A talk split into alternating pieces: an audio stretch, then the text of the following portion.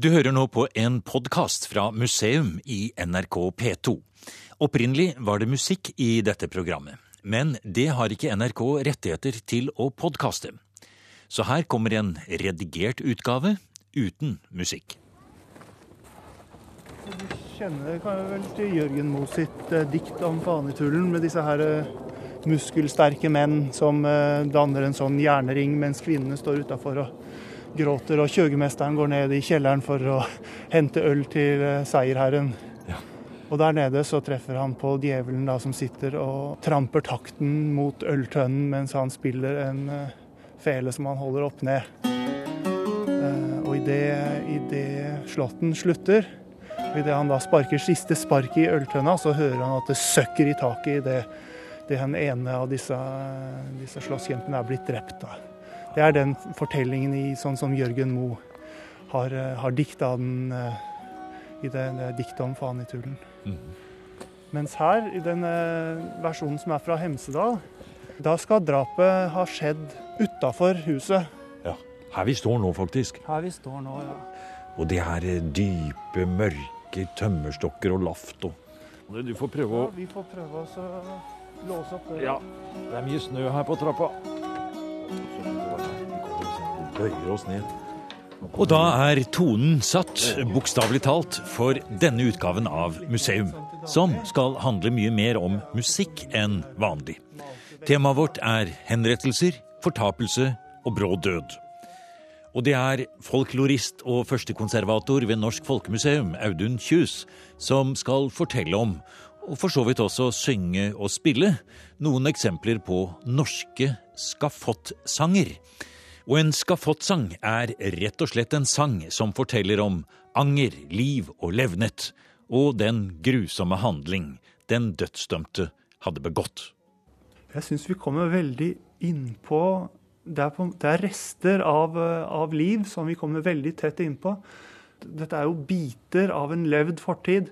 Det er sanger som har hatt sine, sine virkninger og, og, funksjoner, og som Du skal kanskje ikke tro på dem bokstavelig ord for ord i det de forteller, men, i, men som levninger av, av eh, en fortid i verden, så syns jeg de er, er veldig sterke. Og så har det vel vært nokså oversett også frem til nå. Ja, og og det er jo også av, av den yrkesgruppa som jeg tilhører, altså på en måte av folkloristene, så har jo dette, dette vært en ganske sånn uren sjanger, kan du si. da. Det er jo ikke, er jo ikke sånn eh, det, tradisjonell folkesang og sånn. Og det er på en måte litt sånn lav, lavkultur også, med at det er liksom veldig folkelige, eh, folkelige tekster. Det er ikke sånn høy poesi.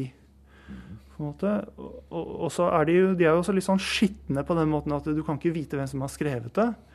Det er jo Dels så kan du tenke deg at det er, det er presten sin stemme du hører oppi dette her, som på en måte da snakker Han har jo forberedt den her dømte personen. Uh, og Dels så kan det være at du hører noe, noen glimt fra den her dømte personen sin stemme sjøl også. Og så dels så hører vi jo det som folk ville høre. Så det som da, da på en måte de, de, ville jo at, at de dømte de skulle tilstå, og de skulle, de skulle angre.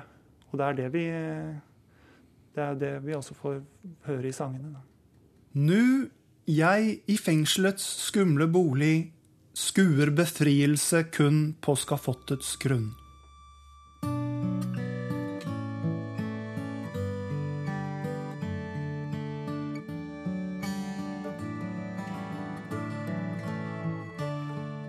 Her hører vi et eksempel på en skafottsang, trykket i Kristiania i 1864, da morderne Pris og Simonsen skulle henrettes. CD-en heter Siver Nattmann siste ord og tanker. Den er spilt inn med støtte fra Fond for utøvende kunstnere i den gamle skarpretterboligen på Galgeberg i Oslo og i Bjørnebergstølen på Hallingdalstunet på Norsk Folkemuseum. Siver Nattmann var for øvrig kjent som skarpretterens hjelpemann og nattens renovasjonsarbeider på slutten av 1600-tallet i Oslo, sier Audun Kjus. Riktig en fæl fyr som ledet røverbander og ranet folk i området der hvor Blitzhuset ligger i dag. Men henrettelsene foregikk i fullt dagslys. Eller noen ganger tidlig om morgenen ved soloppgang. Og det var store og nær sagt populære begivenheter. Ja, det var jo store offentlige handlinger. Det kunne jo komme mange tusen for å, for å se på noe sånt. Og da var det jo altså Alle som har arrangert et større selskap, vet jo at det må forberedes. Så man kan jo tenke seg, da, når det kommer tusenvis av mennesker for å overvære en sånn begivenhet, at det, man trenger øh, å få, kontro, få, få litt kontroll på, på ja, men kunne, kunne, det komme altså tusenvis av mennesker her i, i, i Norge for å se på en henrettelse? Altså, da, da den siste henrettelsene i, i Kristiania fant sted på 1860-tallet, det var morderne Pris og Simensen. Som da, det var de siste som ble henrettet i Kristiania. Uh, og, da fant man nødvendig at man måtte, måtte bruke en ekserserplass på Etterstad for å ta imot folkemengdene. Da kom det tusenvis av mennesker for å, for å se på. Mm. Og, og, det ble også trykt opp eh, Jeg fant i Norsk folkeminnesamling et sånt trykk som var et sånt program for dagen, kan du si, for henrettelsen til Pris og Simonsen. Ja, ja, Hva kunne det programmet være, da? Jo, altså, Den besto da av tre sangtekster. Uh, og, og den, type tekst, den, type sanger om, om det siste forferdelige drapet. Det, man kan jo kanskje sammenligne det med VG i dag. Da. Altså, det var sånn rent nyhetsmedium at man fikk, eh, fikk vite hva som hadde skjedd. Ja, Så og, det, det, blir jo da et marked også da for skillingsvisene, dette her, ikke sant? Ja, ja, ja akkurat. For du kan også tenke deg hvis, det, hvis, du har en forsamling der hvor du vet det skal komme noen tusen mennesker, og som alle sammen vil være, mange av dem vil være interessert i og, ja, få informasjon om hva det er de faktisk er med på. Og kanskje også ha med seg et minne etterpå som de kan eh, vise fram når de kommer hjem igjen. Så at det, det at det, det, kom sånne store, store, forsamlinger rundt dette her, må jo også være en av forklaringene til at det var helt vanlig at det ble trykt opp sånne skillingsviser om disse eh, drapene og henrettelsene program for dagen, sier du. Disse sangene Sang befolkningen dette da, eller? Altså Nei, det var nok ikke, ikke, sånn at man der skulle stå og synge allsang akkurat der. Men akkurat den prosesjonen da, som ville lede herfra, her hvor vi står nå, ja, fengselet, fra fengselet og bort til, eh, til retterstedet I den prosesjonen, det var et sted for sang også. Da sang man uh, salmer. Mm. Og det, det, henger jo da i grunn sammen med hele den gamle begravelsesskikken også. Der hvor idet man skulle bære den døde ut av hjemmet sitt, det kaltes å synge ut den døde. Så dette med at man sang med disse da som da på en måte allerede var De var litt sånn litt døde allerede da, når de satt her. Man sang dem ut og over i neste, neste kapittel. da.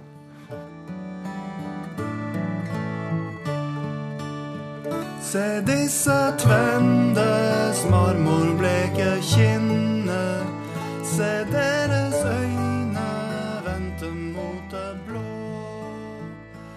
Og oversatt til moderne avisspråk måtte vel da Skafottsangens skildring av de siste sekundene til morderne Pris og Simonsen i 1864, der de ventet på bøddelens øks ute på Etterstadsletta, har blitt noe sånt som med to marmorbleke kinn vendte de øynene mot himmelen, og i løpet av et øyeblikk forsvant deres liv. Kanskje ikke mer enn fortjent i datidens rettsforståelse, siden de hadde drept bonden Knut Nilsen Grøtte, som var på handletur i Kristiania. De hadde lurt med seg en laksebonde ut på fjorden. Eh, for de hadde altså tydeligvis lagt merke til han at han hadde tjent mye penger. Han hadde kontanter, så de lurte han med ut i en liten båt stakk han ned og skulle senke han på vannet, på dypt vann. Men så fløt han opp igjen. Og da, da ble historien Da ble bakteppet rullet opp. Eh, og, og, de prøvde å flykte, men de ble innhentet. Og de ble satt på, på arresten i, på politihuset i Kristiania, ved rådhuset i Kristiania. Mens de satt der, så fikk publikum, befolkningen i byen, de fikk anledning til å komme til dem for å, for å be og synge med dem. Mm. Og det, det gjenspeiler også den, denne teksten som, Så jeg fant da et, et skillingstrykk i Norsk folkeminnesamling som er, har preg av å være et sånt program for dagen Mhm. for den henrettelsen av Pris og Simonsen. Den består av tre sanger. Første sangen den forteller om drapet på den her laksebonden. Det er litt sånn nyhetssang. Det er på en måte det du kunne lest, lest om i VG. Andre sangen, den, eh, den er eh, fra fengselet. Der hvor de to drapsmennene da sitter og, og forteller om, eh, om barndom og oppvekst, og hvordan det gikk så ille med dem, og, og hvordan de angrer det de har gjort. Og så tar de farvel med sine nærmeste. Den tredje sangen den er omtrent som en sånn tale ved retterstedet som presten kunne holdt. Den oppsummerer det moralske budskapet. Da er vi plassert, da, da er vi plassert foran skafottet sammen i, i publikum, og, og, og, og vi får høre prestens uh, forklaring på hva det er vi nå skal se.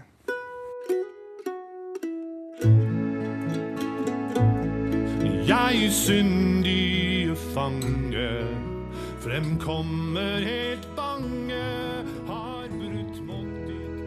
En mann fikk i synde at myrde sin kvinne, og jeg var dermed, synger Richard Burgess på CD-en Siste ord og tanker, som er en samling skafottsanger fra Norge, satt sammen av Audun Kjus på Norsk Folkemuseum.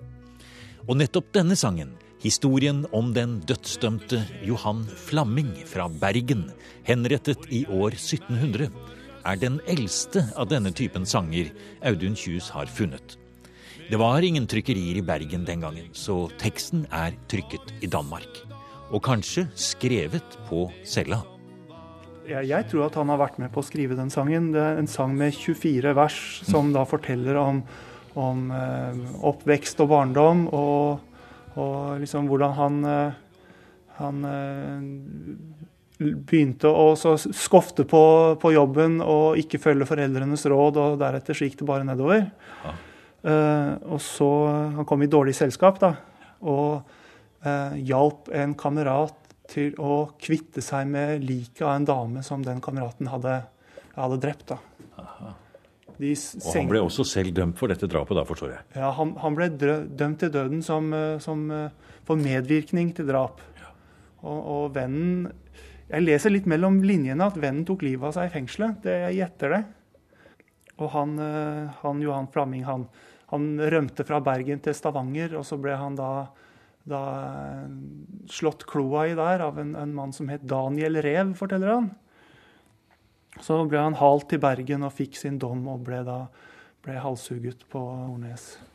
Det, det er jo hele det er jo fantastiske historier. Det er sånne små romaner vi får høre disse skillingsvisene. Og det var jo slik det var laget også, selvfølgelig. Men ja, nå blir vi nesten nysgjerrige på mer. Det var altså da 1700, en morder fra år 1700. Men du har mange flere her. Ja, men den, den sangen til Johan Flamming den tror jeg også har vært litt av en slager. For det, den har, vi, har jeg funnet eh, i flere opptrykk. Der, står- der står det også at den er trykket opp etter eh, forespørsel. Sånn at det da, eh, den, den har vært eh, in demand, kan man si. Det har vært en hit. Ja.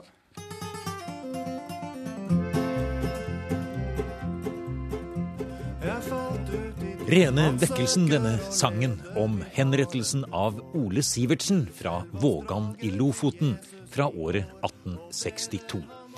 I denne sammenhengen er det jo tekstene som er det opprinnelige. For som skillingsviser flest var det gjerne trykket på skafottsangene at de kunne synges på en passende populær melodi fra samtiden, sier Audun Kjus. Ja, På noen av dem så står det jo at 'synges som', og så står det en eller annen tittel på en sang som da kanskje var populær i 1750, da. Men som det, man har dårlige forutsetninger til å vite i dag hvordan gikk. Og på noen så står det jo faktisk 'synges til egen melodi'. Og da har man jo heller ikke så mye sjanse til å finne ut av akkurat hvordan melodi som, eh, som ble brukt. Men så får man jo også da gjøre sånn som, eh, sånn som de gjorde da skillingsviser var i trykk. Altså når du kjøper en tekst du, og du ikke kan melodien, så får du finne en melodi som passer. Og da har vi jo gjort eh, det. Vi har enten til dels funnet, funnet, andre melo, funnet melodier som fantes fra før, og som passet, eller så har vi lagd melodier som vi syns passer.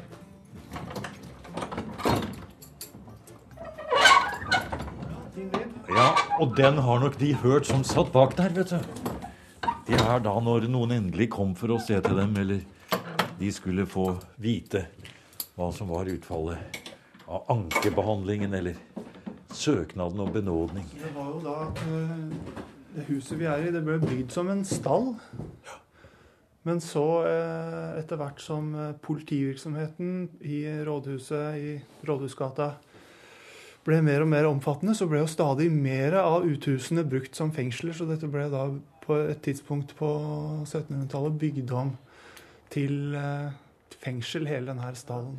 Så den her første, den hovedarresten i, i rådhuset, den lå i kjelleren. Ja. Men den ble det litt problem med etter hvert, for det kom inn så mye vann der at folk holdt på å drukne mens de satt i arrest. Og det var jo ikke meningen. Nei, for det er jo ikke en eh, avrettelsesform som var regulert. Nei, det skulle brukes øks hvis det var dødsstraff. Tunge skritt i trappa opp i arresten her, ja. Men Audun, dette med at eh, dødsstraffen etter hvert, holdt jeg på å si, ble så institusjonalisert og så vanlig, og det var regler for det, hvem som skulle utføre det etter hvert. Ikke henging, men bare øks osv. Eh, det var også andre ting som begynte å skje med den offentlige henrettelse når vi kommer utover, i hvert fall på 1700-tallets slutt og, og innover kanskje i, på 1800-tallet. Dette som du har kalt for skafottet som talerstol. Ja, altså på, på 1700-tallet så har vi en del eh, interessante skrifter som har, som har vært direkte tilknytta sånne hen, henrettelser. Det er noen, eh, noen sånne taler ved retterstedet som, eh, som, eh, som ble trykt. Det var som regel disse prestene som hadde ansvar for å berede disse dødsfangene. Det var som regel ikke hvem som helst. da. Nei. Det var prester som hadde et, et, litt av et rykte i utgangspunktet.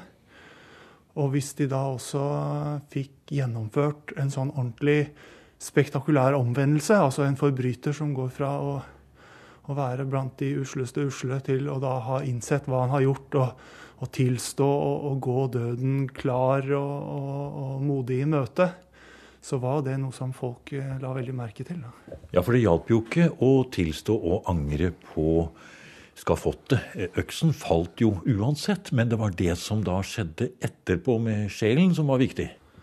Ja, og du kan si det, det også Dette kan man egentlig lese i avisene helt langt inn på 1800-tallet, opp til de her siste henrettelsene i 1876, hvor opptatt man er av å se på de idet de møter den, den siste altså Når de møter skjebnen sin, altså å se på hvordan de bærer seg.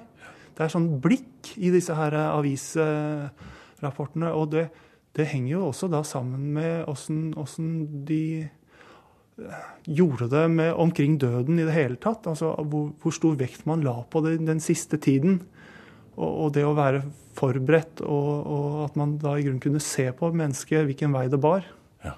Hengning ja. ble tatt ut av, eh, av straffesystemet noe tidligere på 1700-tallet. Og da var det allerede lite brukt en, en lang periode. for 20 Folk var, var, blitt hengt for å være tyver. Men man slutta med det på, mot slutten av 1700-tallet. Så slutta man også med å hogge huet av folk med sverd, for det var en ikke like sikker måte å få gjort det på. Så fra slutten av 1700-tallet så ble alle kakka huet av med øks.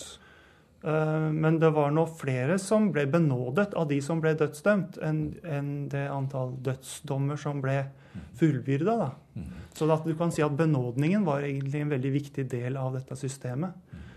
Også noe som gjorde at eh, det var også med på å gi kongen en spesiell status, ettersom det jo bare var kongen som da hadde den anledningen til å benåde en dødsdømt.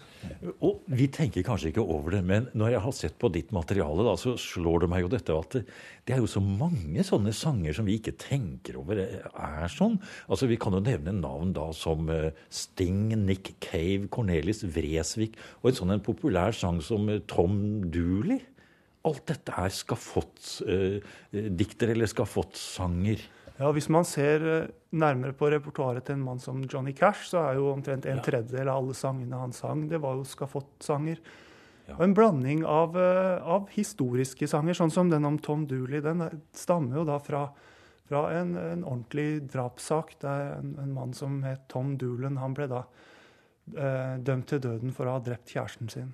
Sånn som Johnny Cash har jo en sang som heter 'Ten More Minutes To Go', der man følger den her eh, dødsdømte liksom fra minutt til minutt eh, eh, fram til han eh, dingler, da. De aller, aller fleste skafottsanger som er lagd på engelsk, de, er jo, de var av samme slaget som de som, som ble lagd i Norge, med at det, det er de, de angrende, ydmyke forbryterne.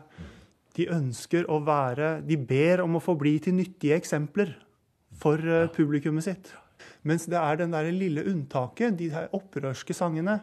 Altså det er, det er han James McPherson fra Skottland som, eh, som uh, uh, han, var, han var en røver og en- landeveisrøver, da. Ja. Uh, som, som gikk døden veldig sånn mandig i, i møte, og, og sangen forteller liksom om, om hvordan han hvordan han oppførte seg på, på retterstedet. Han knakk fela si for at ingen andre skulle spille på den etter han. og Og jeg kan jo tenke meg at når Johnny Cash har disse sangene i sitt repertoar, så er det vel kanskje mer at den dødsdømte holder hodet høyt og hevet eh, når han skal stå til rette for the man, liksom. Altså, altså ikke dette med underkastelse og anger. Ja, og mens da, Jeg har ikke noe, egentlig noen forklaring på hvorfor det er blitt sånn i Norge, men alle disse som er bevart i Norge, de, de er fra disse angrende synderne. Det eneste unntakene i Norge er disse instrumentalmelodiene. da. Det er den Sevleslåtten som vi snakka om før, også den her Sordølen, som også da handler om en, en mann som i stedet for å bøye nakken, så, så danser han en halling. Ja, for, for egentlig så er jo ikke interessen for dødsdommen og dødsdømte blitt noe mindre i dag enn det var i Norge på 1600-, 1700- og 1800-tallet, selv om vi ikke har det lenger i Norge. Eh, Og apropos det, når forsvant dødsdommen i Norge? Ja, dødsdommene ble jo borte i 1902, da det kom en ny straffelov. Eh, Og da var ikke lenger dødsstraff en del av strafferegisteret i Norge. Men de siste henrettelsene i Norge etter den gamle måten, de skjedde i 1876.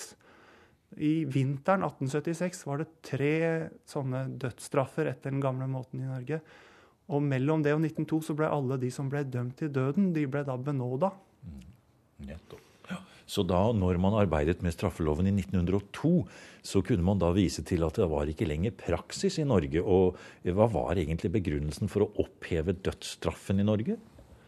Nei, altså i, i forarbeidene til den, den straffeloven av 1902, da blir det brukt eh, statistiske argumenter. Altså man ser på land der hvor det finnes, blir praktisert dødsstraff, og land der hvor det ikke blir praktisert dødsstraff. Og så, se, så ses det litt altså kriminalstatistikk over tid. Ut fra det så finner de at de ikke kan se noe sammenheng mellom dødsstraff og at det skulle bli mindre forbrytelser. Da. Altså, de kan ikke se at dødsstraffen skal fungere avskrekkende.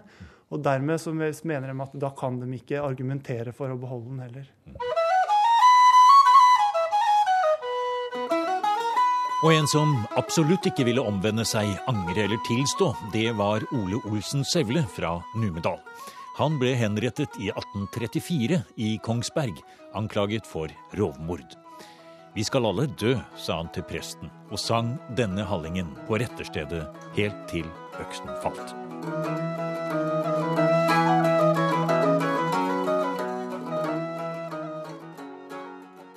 Du har hørt en podkast fra NRK P2.